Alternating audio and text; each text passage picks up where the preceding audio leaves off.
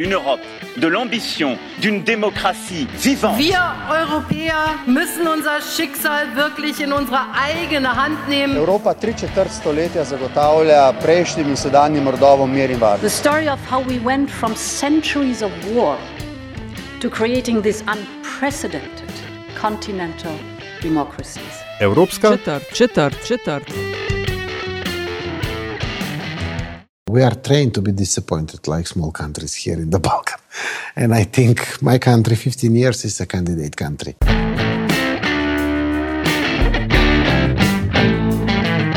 Spoštovane in cenjeni, dobrodošli v podkastu Evropska četrt, podkastu o vsem, kar vas bo zanimalo o Evropski uniji, pa niste vedeli, koga vprašati. Evropsko četrt vodiva Aljaš Pengal Bitenc in Nataša Briški. Podcast domuje na spletni postaji metina.lista.sim, v vašem nabiralniku pa sveža epizoda, takoj, ko je na voljo. v Evropski uniji se je dolga leta govorilo o dilemi med širitvijo in poglobitvijo, se pravi med vedno tesnejšo unijo obstoječih držav članic in sprejemanjem novih. V to zgodbo je bila deloma ujeta tudi Slovenija, še bolj pa so vanje ujete ostale države nekdanje Jugoslavije. Občutek, da jim Unija vedno znova predstavlja vratnico, kot se reče, je včasih še preveč resničen. Po odhodu Velike Britanije iz EU, slednja danes šteje 27 članic, eh, že dolgo in veliko se govori o širitvi na Zahodni Balkan. Zdaj Črna Gora eh, je v pogajanjih od leta 2012, Srbija od 2014. Albanija in Severna Makedonija sta se letos dogovorili, da začnejo pristopna pogajanja. Kosovo in eh, Bosna in Hercegovina, da sta potencijalni kandidatki. Zdaj pa sva rekla, da pokličeva na pomoč, da vse to razumemo in vidimo, kaj se lahko v naslednjih letih zgodi. Verjetno ta trenutek največjega poznavalca dogajanja na Zahodnem Balkanu, gospod Samuel Žbogar, pozdravljeni v Evropski četrti. Uh, lep pozdrav, najlepša hvala in uh, najlepša hvala za tako krasno, za ta krasen uvod, mal pretiran, ampak uh, kot rečejo, exaggerated but appreciated, uh, cenam. Hvala lepa. Ja, mislim, ne vem, če je pretiravanje, ker zadnjih osem let ste dejansko preživeli na tem območju. In kar popravite me, če se motim. Uh, po osmih letih ste nazaj. Uh, kaj počnete danes, ali pa če nas čist na kratko za vse, ki ne poznajo vaše poti, povzamete, kaj ste v zadnjih uh, desetih letih počeli? Um, ja, v zadnjih osmih pa pol letih sem bil predstavnik, najprej posebni predstavnik Evropske unije na, uh, na Kosovu. Uh, to je bilo štiri leta, pa pol, uh, zadnje štiri leta, od, od 2016, sem bil pa veleposlanik Evropske unije v, v Skopju. Predtem sem bil minister za zunanje zadeve Slovenije tri leta, v času, ko smo izpogajali arbitražni sporozum s Hrvaško. Predtem sem bil pa karjerni diplomat, vključno veleposlanik Slovenije v Združenih državah Amerike.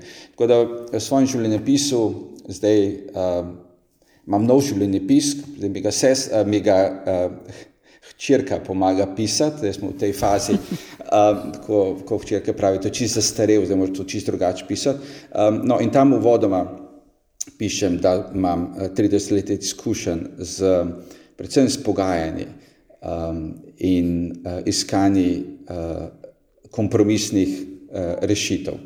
Evo, to sem delal zadnjih 80 let. A je pristanek v Sloveniji mehak po toliko letih uh, v tujini? Moram reči, da sem si zelo želel nazaj v Slovenijo. Uh, prvič sem bil zunaj več kot en mandat. Um, vsi skupaj kot družina smo bili zunaj uh, pač, uh, več kot štiri leta in, in po osmih letih že ti Slovenija kar manjka. Tako da smo si vsi zelo želeli priti nazaj v Slovenijo. Um, To je bil osnovni cilj, da se vrnemo domov. V Sloveniji je izredno visoka kvaliteta življenja in uh, trenutno uživamo v tem. Um, ja, evo, to bom rekel. Ja. ja. Gospod Bogar, kot um, predstavnik Evropske unije na Kosovu in uh, potem zdaj v ne, ponovem Severni uh, Makedoniji, uh, ste bili občasno, ali pa mislim, da je kar v, v, v obeh primerih najviše postavljeni slovenec v strukturah Evropske unije, ali pa vsaj eden od tako zelo visoko postavljenih. Um, in Slovenci, Slovenija in še znotraj tega slovenske zunanje politika, si vedno znova, že zadnjih 20 let ali pa 30 let, laska, da mi imamo posebna znanja o Balkanu in da je to tako rekoč naše dvorišče, ki ga mi posebej obvladamo. Je to res? Uh, tako je, tako je. Mislim, da mi živimo v nekem prepričanju, da največ vemo o Balkanu in resnično veliko vemo o Balkanu. Na zadnje smo 70 let živeli skupaj v isti državi, poznamo kulturo, poznamo ljudi, poznamo jezike. Um, veliko vemo. Kar mislim, da pri nas, um, pri nas je problem, da mi zelo radi razlagamo probleme, um, ne znamo pa nekako iz te analize priti do um, predlogov, kako rešiti probleme. Um, in, in, in mislim, da je to tisto, kar, kar, kar nam manjka. Mi smo veliki poznavalci in tudi uh, mislim, da v Evropi se pričakuje, da se mi oglašamo okrog Zahodnega Balkana, da pojasnjujemo situacijo v Zahodnem Balkanu. Um, na vse zadnje, to je področje, ki ga najbolj poznamo od vseh, o katerih je govora v Evropski uniji. Um, pa vendar mislim, da včasih nam zmanjka ta prehod iz analize v predlog. Ne, tale, ta bolj ameriški pristop. Um, jaz sem se v uh, Ameriki nekaj naučil, da oni, ko pogledajo problem, um, ga najprej analizirajo, potem pa se vprašajo, kaj jaz lahko naredim glede tega problema, kako ga jaz lahko rešim. Ne, to je ta praktičnost ameriška, um, ne, ki, ki se lini na, na tem, da so, no, um, da so se morali zanesti na sebe uh, v zgodovini. Um, in, in, in to nekako nam manjka. Tako da mislim, da v, v, da s, v nekaterih trenutkih ne, smo dobri v analizi, ampak um, je pa mogoče kdo drug uh, boljši v uh, iskanju rešitev. Ker če pogledamo tako z, rekel, mečkem, skozi mečkem neprijazna očala, ne, uh, seveda nismo edini tukaj na Balkanu, ki imamo, bom rekel, svoje znanja, tudi svoje interese v končni fazi. Uh, Nemčija, Avstrija sta bili seveda že v času razpada Jugoslavije in slovenskega, hrvaškega osamosvajanja zelo aktivni politično, gospodarsko, potem seveda imajo tudi večje sile tukaj svoje gospodarske in geostrateške interese. Kaj lahko leta 2020 Slovenija prinese k mizi, ne, če smo že pri uh mhm. -huh. amerikanizmih? Uh -huh. um, mislim, da imamo, mislim, da smo mi sprejeti v regiji malo drugače, kot so ostale države članice Evropske unije, vključno s Hrvaško, ki ima preveč lastnih interesov um, na Balkanu, probleme s Srbijo, interese v Bosni in Hercegovini in, in kot taka potem ni sprejeta strani regije kot resnično um, nek, nek, nek uh, honest broker, če rečemo. Um, nek posrednik, uh, ki jim lahko pomaga. Medtem ko Slovenija pa je, Slovenija ima seveda gospodarske interese, uh, Slovenija ima izredno velik, um, uh, dobro, dobro podobo na Balkanu. Um, vsi se vsi imajo zelo dobro mnenje o Sloveniji, o slovenskih proizvodih, o, o tem, kaj Slovenija dela za regijo. Uh, tako da imamo dobro izhodišče, um, ker mogoče lahko razumemo tudi to drugo stran. Um, in in to mislim, tu mislim, da je lahko naša vloga, da Evropski uniji pojasnjujemo to drugo stran. Um, ker ti problem širitve, vi ste zelo dobro v začetku rekli, da je ta dilema med širitvijo in poglobitvijo. Um, Eh, in seveda vsi ti problemi, ki so bili zadnja leta v Evropski uniji, najprej z gospodarsko krizo, pa s terorizmom, pa z migracijami, um, so to, to širitev potisnili daleč stran um, ali, pa, ali pa neko željo po širitvi. Um, in v bistvu pravi dialog med Evropsko unijo in Zahodnim Balkanom, ne glede na vse, še vedno manjka. Na eni strani je Evropska unija s tem stališčem, da nismo še pripravljeni na širitev, eh, ta, te regije še niso eh, naredile dovolj, eh, te države niso šle skozi reforme. Ehm, in na, na Evropski uniji je neko stališče, pejmo naprej, ampak v prvi brzini. Um, na, strani čla, na strani teh kandidatk je pa, je pa mnenje, da gre vse skupaj prepočasi, da, vse, da so pogajanja virtualna, da to kamor bo šlo. Prej ste, Nataša, prej ste omenili na začetku leta, um, ko se ja. uh, Črna Gora že pogaja, ko se Srbija že pogaja, pa niso še niti na polovici poti, uh, bi, lahko rekli, do članstva. Ne? Se pravi, vedno bolj jim zgleda kot neko virtualno pogajanje. In, in, in, in eni drugi se ne slišijo prav dosti, čeprav v zadnjih dveh letih je bilo veliko narejena, narejenega strani Evropske unije, uh, da, je, da, je, da se je odprla proti Zahodnemu Balkanu. In mogoče je tu mal večja vloga Slovenije, da lahko interpretira um, uh, občutja na eni in drugi strani in poskuša najti tisto srednjo pot. Um, da poskuša državam razložiti, v čem je problem v Evropski uniji in zakaj, zakaj ni neke želje po širitvi v tem trenutku, in na drugi strani uh, ta, te frustracije, da, pojasni, da pojasnimo Evropski uniji frustracije Balkana, ker, ker, uh, ker, ker gredo prepočasi. Um, sicer se, ja, vsi se sicer premikajo naprej, ne? ampak situacija, položaj ni nujno um, že, že dovolj trden, da, da se ne bi, da se ne bi lahko vrnili tudi kakšne probleme. Ne? Mhm. Dve stvari me v tem momentu zanimata. Omenili ste, da mi smo mogoče bolje kot ostali sprejeti v regiji, pa me tukaj zanima, ali ste zaznali enako sprejetost. Vem, da ne, ampak mogoče, če lahko kategoriziramo, uh, kje smo najbolj, kje najmanj sprejeti od teh držav Zahodnega Balkana. In dejali ste tudi, da nam zmanjka, ko gre za iskanje rešitev in predloge, in da to morda nekdo drug bolje počne. Kdo je ta drug? Um, ta drug so velike države, o katerih ste prej tudi omenjali.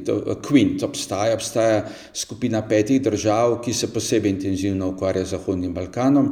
Tu so um, Nemčija, uh, Francija, Italija, Velika Britanija in Združene države Amerike. Oni so oblikovali neko skupino, to še iz časa Balkanske vojne, um, vojne v Bosni, um, ki se redno srečuje in ki se redno pogovarja o položaju v državah na Balkanu in tudi išče rešitve. Tam se pogovarja, pogovarjajo tudi o um, dialogu med Kosovom in Srbijo in, in kako naprej. Um, tako da tam nas ni, seveda. Ne? um, ampak uh, lahko pa vplivamo na katere od, od teh držav. In mislim, da imamo zelo, razumem, imamo zelo dobre odnose z nekaterimi od teh, uh, posebej z Berlinom. Mislim, da smo v zadnjem času veliko delali um, in lahko nekatere naše sugestije pridejo do tega kvinta um, preko, preko teh držav. Ne, um, ne vem pa, koliko resnično imamo neke konkretne ideje. Recimo, ne, Kosovo, Srbija, dialog, ki je v, nekem, v neki slepi ulici. Zdaj se poskuša ponovno z posebnim predstavnikom Lajčekom, ampak vidimo, da tudi gre težko ne, in se spet vračamo v neke tehnične pogovore. Glede tega, mislim, da vsi iščejo ideje, kako, kako rešiti ta problem med Kosovo in Srbijo ob tem, ko smo proti delitvi Kosova, proti delitvi izmenjavi ozemelj, a hkrati ne vem, če imamo rešitev, kako zadovoljiti in eno in drugo stran, da boste normalizirali odnose. Um, ta, taki, take konkretne ideje, ne, kaj, kaj, uh, uh, kako, kako priti iz, iz, iz teh problemov. Mhm. Kaj pa še glede sprejetosti v regiji? Se mi zdi, da smo ali pa da je Slovenija zelo priljubljena vem, na Kosovo, ne vem pa če je enako tudi vem, Črna Gora, Srbija, Albanija, Severna Makedonija, uh, Bosna in Hercegovina.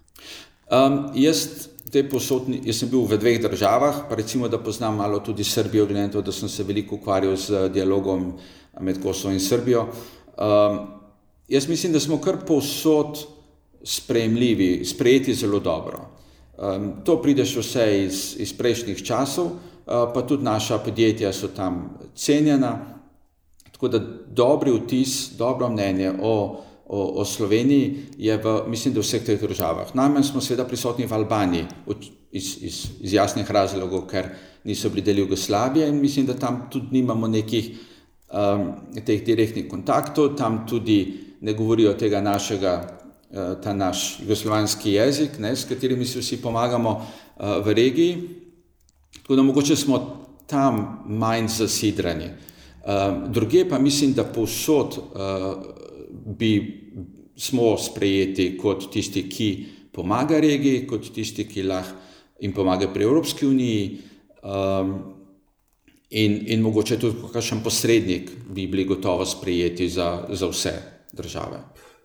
No, mogoče ravno to, nekaj ste že omenili, te različna um, to, polja, ne, oziroma um, ja, področja, kjer ti um, pogovori oziroma ukvarjanje z Balkanom poteka. Ne, po eni strani imamo teh pet velikih držav, potem seveda sama Evropska unija. Um, Tudi drugi, ne, Rusija, Kitajska, imata oba, obe neke svoje interese. Da pač ne govorimo o tem, da se vse skupaj potem to poveže v neko zgodovinsko prepleteno čurobo, ker v končni fazi ne veš, ali je preteklost, prihodnost, prihodnost, preteklost in kdo je zdaj komu kaj dolžen. Ampak, ali je Slovenija, oziroma drugače, Ali je Evropska unija, se pravi inštitucija Evropske unije, posebni predstavnik, uh, vaša funkcija v, v Kosovo in Makedoniji, in tako dalje, ali je to polje, kjer je uh, uh, področje, kjer so ti pogovori, kjer omogočajo preboj, ali je vloga Evropske unije predvsem v tem, da stvari ohranja pod kontrolo in potem, da rečem zelo grdo, prepušča drugim, da naredijo dokončne do, dogovore, tako kot zdaj karkoli si mislimo o njemu, ne, ta zadnji um, dogovor, ki ga je um, Trumpova administracija z veleposlanikom Grnelom nekako v bistvu usilila, ne, Kosovo in, in Srbiji, malo tudi za PR poteze. Skratka, kakšna je vloga Evropske unije v, v tej zgodbi? A je proaktivna ali samo preprečuje, da bi stvari zdrsnile v nepovrat? Uh, ne, jaz mislim, da je kar uh, proaktivna.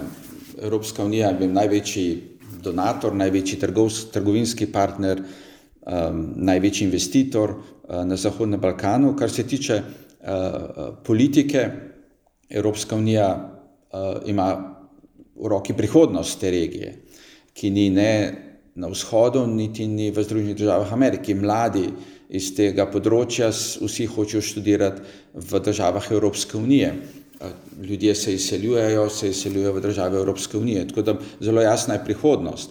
Um, mislim, da je bila Evropska unija aktivna uh, politično, tako na, na, na Kosovu, kot v vseh državah. Uh, problem mogoče je, kako mi to znamo ali pa ne znamo predstavljati. Uh, čisti PR. Um, to, kar je bilo v Washingtonu, je bil PR in čisto nič več od tega. Um, to, kar je bilo dogovorjeno in se tiče Kosova in Srbije, oziroma njunih odnosov, to je vse že bilo prej dogovorjeno uh, v sklopu pogovorov, v sklopu dialoga, ki ga Evropska unija uh, vodi. Um, tole avtocesto med Nišem in, um, in uh, Kosovom in Prištino uh, bo gradila Evropska unija iz tega novega plana za uh, gospodarsko obnovo in investicije, ki je bil ravno Eh, predstavljen. Železniško progo na severu Kosova, eh, ki je bil tudi en velik rezultat ambasadorja Granela, bo gradila, obnavljala spet Evropska unija s svojim denarjem. Eh, sporazumi o priznanju diplom, o brezcarinskem, ne brezcarinskem, ampak lažjem prehajanju carine, to so vse tehnični sporazumi, ki so že bili sklenjeni med Kosovom in Srbijo, niso bili pa implementirani vedno je problem v tem implementaciji teh sporozumov. Um, je bil pa zelo dober PR uh, tega dogodka v Washingtonu predstavljen kot tako rekoč normalizacija, ekonomska normalizacija, uh, so, so, so rekli. Ne?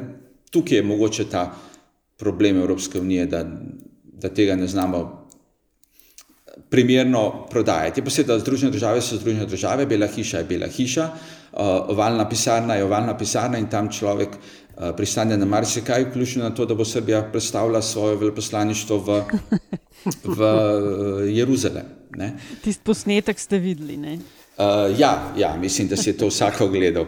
Um, In um, med drugim je to tudi proti um, ni usklajeno stališče Evropske unije in mi pričakujemo držav, ki hočejo postati članice, da se usklajujejo glede zunanje političnih um, odločitev z Evropsko unijo. Tako da mislim, da bo Srbija imela tukaj en, eno določeno zadevo z Evropsko unijo. Um, ampak ja, zdaj um, občutek je tak, ja, da Evropska unija vse financira, da je v bistvu nek um, soft power, kot rečejo, ne, da je ta um, je to mehka sila ali kaj, kaj to je, da ni, Tako, pa, ja. da, da ni pa hard power, ne, ker nima, da ni pa, nima pa prave moči. Um, ampak zato imamo pa tukaj države članice, ne, zato je pa tukaj Nemčija, ki je zdaj videna v regiji kot tista država v Evropski uniji, ki ima interes v regiji in ki lahko premakne stvari v regiji.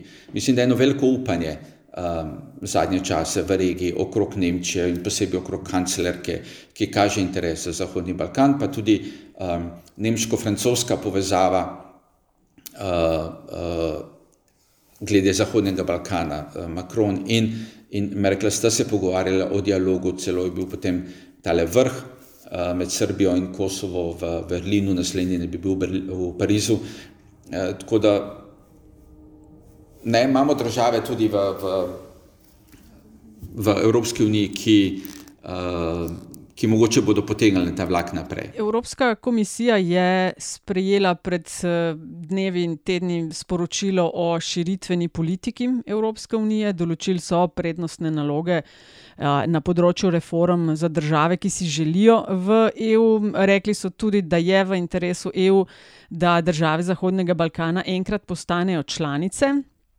Hkrati pa tudi se ugotavlja, da je boj proti korupciji v drugem planu, da je izziv pravna država, e, koncept, ki se ga na Balkanu tradicionalno slabše razume, še vedno, še bolj ali manj kot včasih.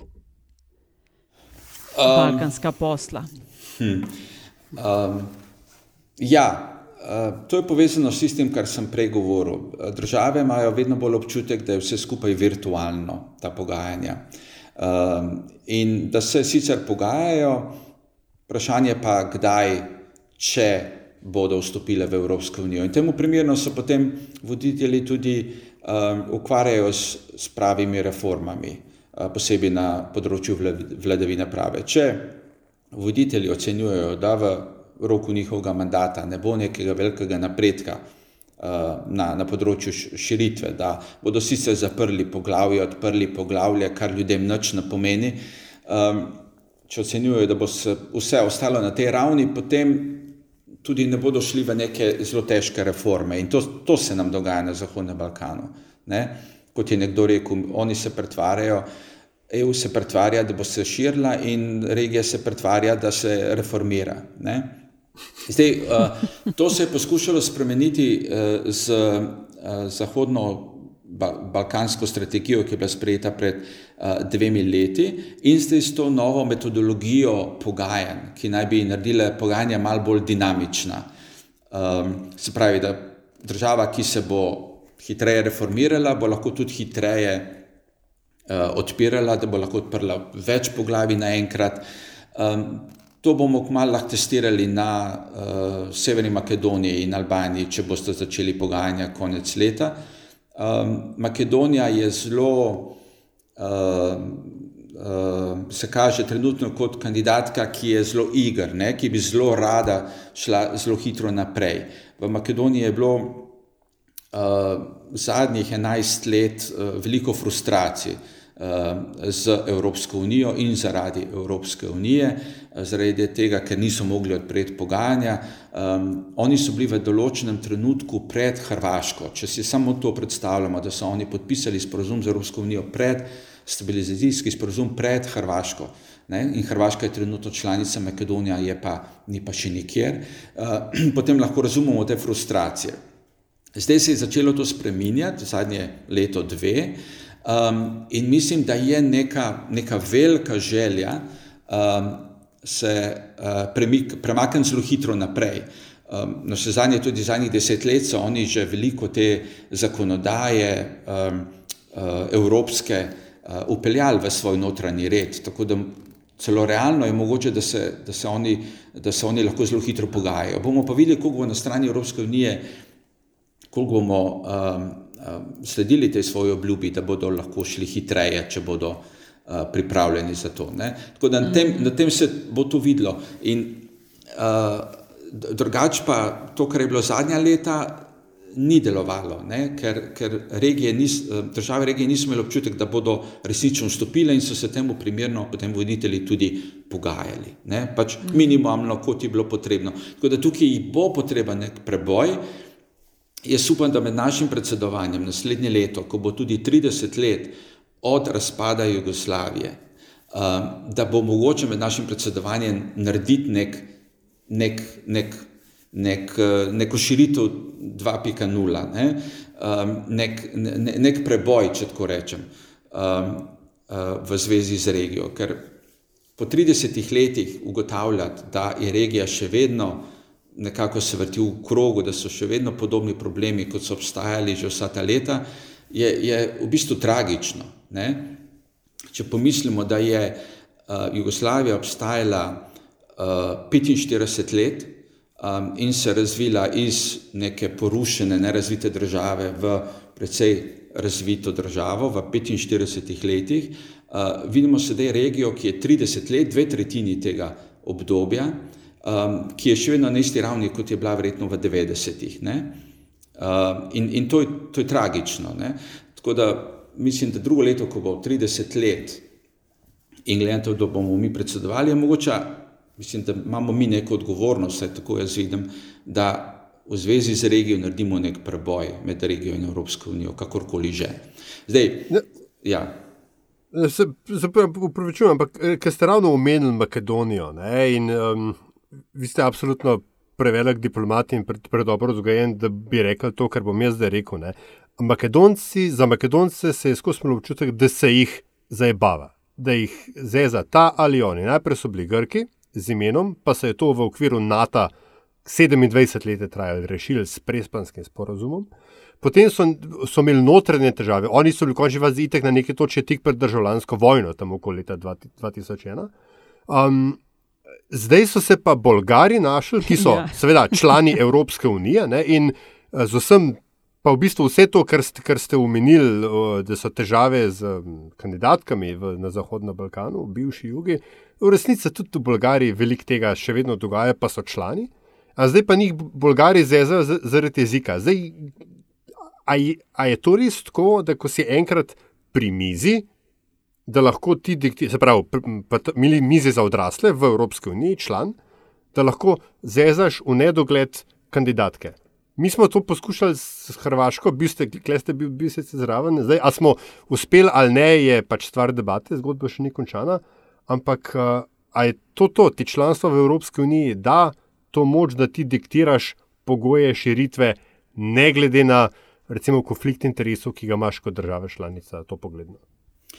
Ja, mislim, da se je Evropska unija zelo spremenila od takrat, od leta 2008, ko se je Hrvaška pogajala za članstvo. Takrat je bilo uh, stališče, splošno sprejeto stališče, da se bilateralnih problemov ne smejo vnašati v Evropsko unijo. In reakcija držav Evropske unije takrat na našo blokado je bila precej ostra. V tem času so se pa, zgleda, stvari zelo spremenile in vse države vnašajo bilateralne zadeve v, v Evropsko unijo, tako da je tudi ta toleranca večja. Um, zdaj pa, seveda, ja, ko sediš za mizo, si član in um, običajno te države spomnijo, da um, moraš podpreti, da se morajo države Evropske unije podpirati. Uh, če je nek interes države članice, potem mora to postati interes Evropske unije. To izgleda uh, zadnje čase nek argument. Uh, vendar ni tako. Mislim, da je vse odvisno, koliko države članice dovolijo neki državi, da vnaša bilateralne probleme v, uh, v, v Evropsko unijo. Uh, glede Bolgarije je državi sta podpisala, podpisali sporozum o dobrososedskem sodelovanju in kar se od Severne Makedonije zahteva, da izpolnjuje, da uveljavlja, izvaja ta ta sporazum. Um, Bolgarija interpretira ta sporozum na svoj način. Poleg tega, kot ste, kot ste pravilno rekli, tudi ne priznava jezika Severne Makedonije oziroma makedonskega jezika. Evropska unija priznava makedonski jezik, vsaj do zdaj je bilo to v, v, v, pravilih, makedonski jezik je priznan tudi v prespanskem sporozumu. Tako da bomo videli, kako bo v naslednjih v bistvu tednih ne, do decembra, um, kako se bo ta problem rešil znotraj Evropske unije. Uh, mora se pa rešiti pred prvo uh, medvladno konferenco z Severno Makedonijo, predna bodo odprli prva pogajanja, kajti uh, v pogajalskih izhodiščih Evropske unije more, moramo zapisati, v kateri jezik naj prevedajo. Uh, naj prevedijo celoten aki. Ne? In trenutno predlog komisije je bil, da se prevede to makedonski jezik, eh, čemu Bolgarija nasprotuje. To je eden od problemov, drugi je pa zgodovina. Ne? Oni imajo veliko skupne zgodovine, skupnih osebnosti, osebnosti, ki jih slavijo tako na eni kot drugi strani. Goce Delčev je eden tak, oziroma najbolj prominenten. Um, in, in, in, in to je pa drugi problem. Oni so ustanovili um, skupno komisijo zgodovinarjev, ravno zato, da bi te probleme rešila, ampak je zdaj ta komisija zelo politična in jih ne rešuje, ampak um, celo dela večje probleme. Um, ampak se strinjam, se strinjam, da je to, to je ed, eden od, ena od zadev, ki bo mogla Evropska unija debatirati uh, v svoji debati o prihodnosti Evropske unije, čeprav se zdaj ne govori več toliko o tej razpravi o prihodnosti Evropske unije, ampak to je ena od zadev, ne, konsenzualno odločanje znotraj Evropske unije, ki je včasih problem um, predvsem kar se tiče zunanje politike. Uh, je pa še veliko drugih problemov ne, okrog prihodnosti Evropske unije. Tako da, kot jaz razumem, med nemškim predsedovanjem naj bi se ta debata začela, trajala dve leti in končala med francoskim predsedovanjem, se pravi za nami, uh, z, neko, z nečim novim, z neko novo energijo za Evropsko unijo. Uh, med drugim bodo tudi te teme gotovo. Uh, prisotne v debati. Mm, ja, pred dnevi sem prav brala, mislim, da je bilo na politiko, kako Bolgari uh, težijo v Zahodni Makedoniji z domnevno. Severni, anti, severni. Pardon, pardon, ja, severni Makedoniji z domnevno anti-bolgarsko ideologijo, kdo se je uh, pred več kot stotimi leti boril bolje proti Otomanskemu imperiju. Uh, no, ko govorimo o Makedoniji, v zadnjih letih so bile za tistega, ki ni bil tesneje upet v dogajanje v sami državi. So bile glavne novice, ki so tam prihajale, ok, sprememba imena, kar so naredili, da zadovoljijo Grke in morda hitreje tako pridejo uh, do Evropske unije. Druga, gradnja enormnih spomenikov po državi. In tretja, ker so takšni časi, uh, ameriške volitve oziroma trolanje uh, geek specialcev iz ene vasice ali pa iz večjih vasic. Uh, iz Velesa. Ja. In zdaj vi ste bili štiri leta veleposlanik v ZDA, spremljate kampanjo, kako jo komentirate, kdo bi znal biti boljši za Evropsko unijo? ali pa drugačen, se vem. Je... Ja, uh, ja, ja. Uh, to, to, to je bila zelo zanimiva zgodba, to z Velesom, kjer so ti mladi uh, širili lažne novice o Hillary Clinton. Ampak dobro.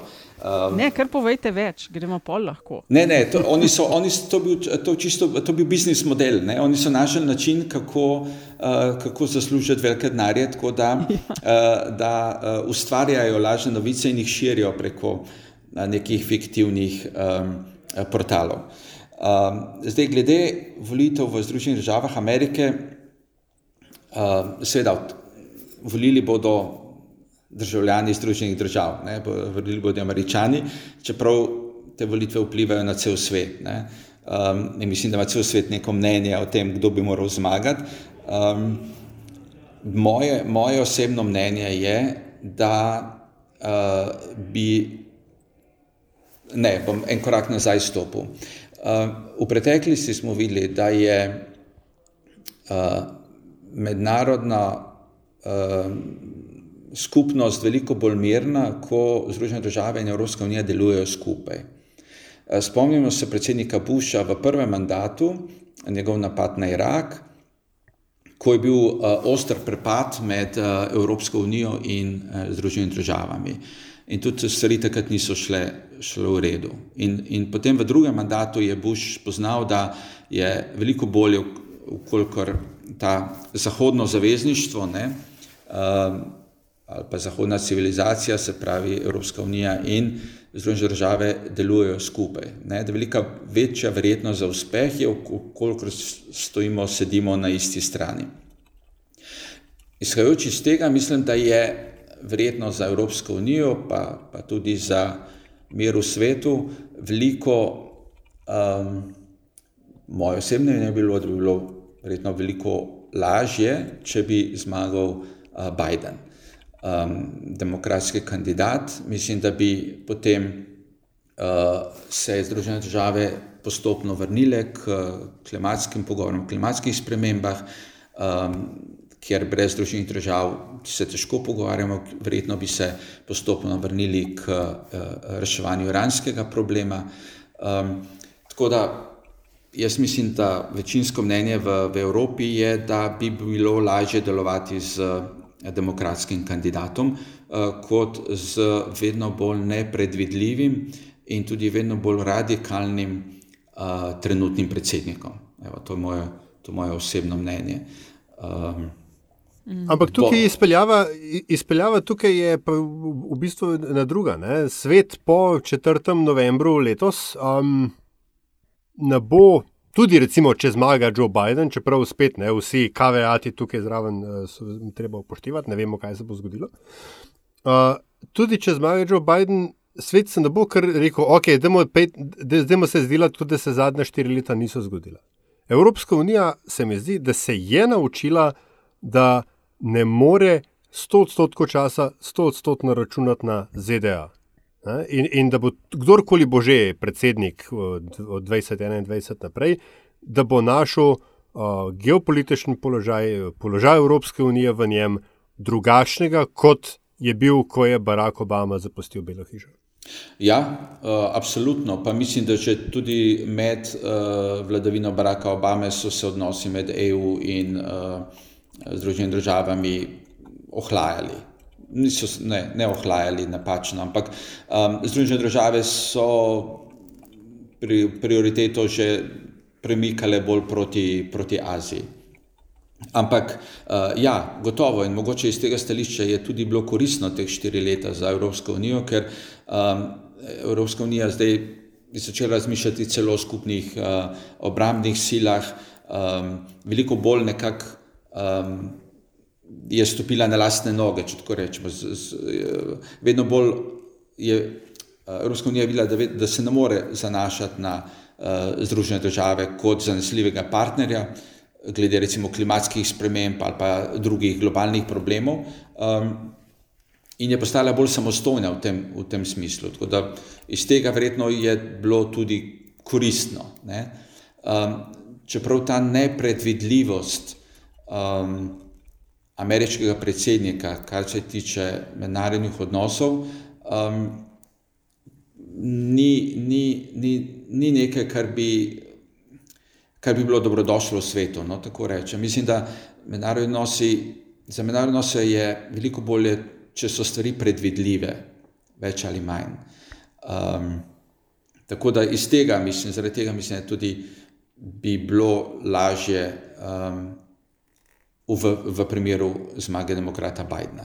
Ampak mm. seveda, američani bodo o tem odločali. Uh, mislim, da v zadnjih štirih letih tudi vidimo postopen zaton ameriškega vpliva v uh, mednarodni skupnosti. Uh, in uh, v primeru zmage predsednika Trumpa, verjetno se bo, se bo to nadaljevalo. Um, vidimo, da. No, bom, bom tu ostal. Mislim, da, mislim, da je on, mislim, da je predsednik Trump. Um, z načinom delovanja, um, s tem napadi na medije, napadi na um, civilno družbo, um, s, s to določeno avtoritarnostjo, ki jo kaže, um, postal nek zgled marsikomu po svetu. Ne, in, in vidimo te njegove, um, um, da, da je vidimo, da v različnih koncih sveta vidimo, da, da je Trump postal vzor uh, načinu vladanja. Um, trenutna situacija s, s COVID-om in s vsemi problemi na svetu, pa seveda potem to še pospešuje. Um, tako kot vidimo porast um, uh, rasizma uh, v Združenih državah, um, mogoče ne porast rasizma, kot, um, kot to, da si, da si ljudje sedaj um, si upajo biti rasistični tudi javno, recimo tako. No? Um, veliko bolj kot recimo včasih, ko to ni bilo politično korektno, ko ni bilo uh, politično sprejemljivo, da si kakšne take opaske javno govoril. Če jih predsednik drugih držav, potem verjetno jih lahko tudi kdo drug in imamo v Ameriki zdaj ta velik problem. To isto vidimo tudi po Evropi, ne? ko se, uh, ko, ko, ko postavijo stvari, ki so bile neizgovorljive, postajajo um, stvar dnevnih, dnevnih razprav um, in um, postajajo del dnevnega diskurza. Tako da uh, ta negativni vpliv ni nujno, to ni vse zaradi Trumpa, no, ampak um, mislim, da se je kar širil, razširil po Evropi in vključno v Sloveniji. A, mogoče mečken nehvaležno vprašanje, pa verjamem, da se mu boste znali izogniti, um, če bo treba. A je slo, odnos Slovenije do ZDA, slovenske zunanje politike do ZDA, v odvisnosti od tega, kdo je doma v Beli hiši in kdo ne Grgorčičevi? Uh, ne. Uh, ne, mislim, da ne. Mislim, da. Um, Reci, ne, na naši strani gotovo ne. Uh, jaz se spomnim v času predsednika vlade Pahorja, smo imeli izjemno dobre odnose v, uh, z Združenimi državami Amerike, imeli smo tudi obisk v Združenih državah. Um, Dobro, takrat je bil Obama, ne, da recimo zelo grobo, grobo rečeno, ste bili na podobnem političnem polu. Ne? Ja, ampak mislim, mislim da. Mm, v, v, v, v mednarodnih odnosih ne gre toliko, vsaj ne, mogoče v Evropi bolj, ampak eh, globalno pa ne, da bi se povezoval sam s tistimi, ki so ti ideološko eh, blizu, posebej kar se tiče velikih uh, držav. Um, zdaj, pač, z, če bo ob demokratu bili hiši, potem je demokrat dosti bolj odprt do, bo verjetno, Biden bo veliko bolj odprt do, do Evropske unije. Um, on ima tudi imel poseben interes za Zahodni Balkan včasih, tako da tukaj tudi mi lahko pridemo noter z nekim svojim posebnim znanjem, o katerem smo sicer govorili prej. Um, uh, in, in verjetno bomo imeli nek dostop do Bele hiše, ne glede na to, kdo bo v Sloveniji uh, na oblasti, ali bo to ena ali uh, pač leva ali desna varijanta. Um, zdaj, če bi, če zmaga predsednik Trump, potem verjetno mogoče, da je on bolj ideološki, pa bolj gleda na resnične zaveznike. Um, čeprav jaz se spomnim, ko sem bil uh, veleposlanik v Washingtonu in smo si prizadevali, da bi predsednik vlade Janša prišel na obisk. Um, in sem šel v Belo hišo, um, da bi prišli na obisk, če nismo imeli in tako dalje. Um, in je, je bilo vprašanje, kaj, ne, kaj bo prinesel, kaj, zakaj, zakaj bi mi dali ta obisk. To, to ni kar nekaj, kar da dobiš. Ne. Srko, ja, zdaj bo neke reforme, bo uh, vlada dela reforme in če bi prišel v Belo hišo, bi dosti lažje potem naredili take reforme, recimo kar se tiče vojaškega proračuna in podobno. In odgovor je bil, mi ne delamo to na, na zalogo. Ne. Obisk v Beli hiši vemo, kaj pomeni za voditelje, Eh, mi ne, mi ne damo obiska na zalogo, vi morate nekaj narediti in potem v zahvalo pridete v Belo hišo. Um, dobro, to je bilo pod Bushom, ki je bil republikanca, mislim, da nasploh američani tako gledajo na te zadeve. Um, kaj, si, kaj si ti kot uh, voditelj naredil, da si zaslužiš obisk v Beli hiši? Um, in, in verjetno ne, ni nujno, da je to ideološko povezano. Verjetno bolj pri Trumpu, če bo zmagal ampak je bolj na to, kakšen si ti kot zaveznik, ne? kje lahko najdeš skupne točke. Uh, Jaz ja. imam še eno vprašanje, pa mogoče potem počasi zaključimo. Evropska diplomatska služba ima okoli 140 delegacij ambasad po svetu, če se ne motim. Vi ste v svoji karieri kot uh, poseben odposlanec oziroma predstavnik EU službovali v Severni Makedoniji in na Kosovem. Trenutno uh, imamo dva slovenca, ne, če se ne mhm. motim, v tej mhm. strukturi, sicer uh, našega, ki vodi EU veleposlaništvo na Papuji. Novi Gvineji in uh mhm. -huh. ravno kar ambasadorko, ki prevzema uh, kanadsko veleposlaništvo. To je to, ne? Ja, v zunanji službi. Imamo v zunanji ja. službi, imamo seveda tudi v Bruslu uh, kakšnega človeka, jaz bi omenil Majo Kocijančič, ki je bila um, najprej bila govorec pri Mogherini, sedaj je, sedaj je v kabinetu komisarja za širitev. Tako da mislim, da ona je tudi pomembna, čeprav nima ranga veleposlanik, recimo, ampak je je pom mm -hmm. pomembna funkcija. Ja, tu moje vprašanje bi bilo, kako drugače je biti ambasador EU versus ambasador Slovenije. A, zelo drugače. Ja.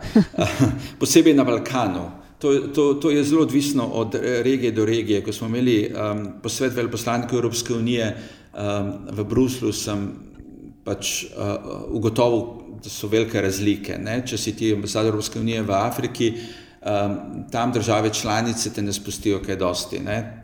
Francija, Britanija, prej um, in ostale imajo, imajo veliko vlogo. Medtem ko na Balkanu pa um, države članice pustijo primarno vlogo veleposlanikov Evropske unije. In veleposlanik Evropske unije govori v imenu vseh, zastopa vse in je tudi tretiran strani držav kot tisti prvi med enakimi. Um, zdaj, Če si ti bilateralni veleposlanik, seveda skrbi za odnose z, z državo, gospodarske odnose, pomagaš firmam um, in bilateralni odnos, pač bilateralno sodelovanje, kar pač, kar pač je. Medtem ko, če si veleposlanik Evropske unije, je tvoje delovanje veliko bolj politično, um, ker se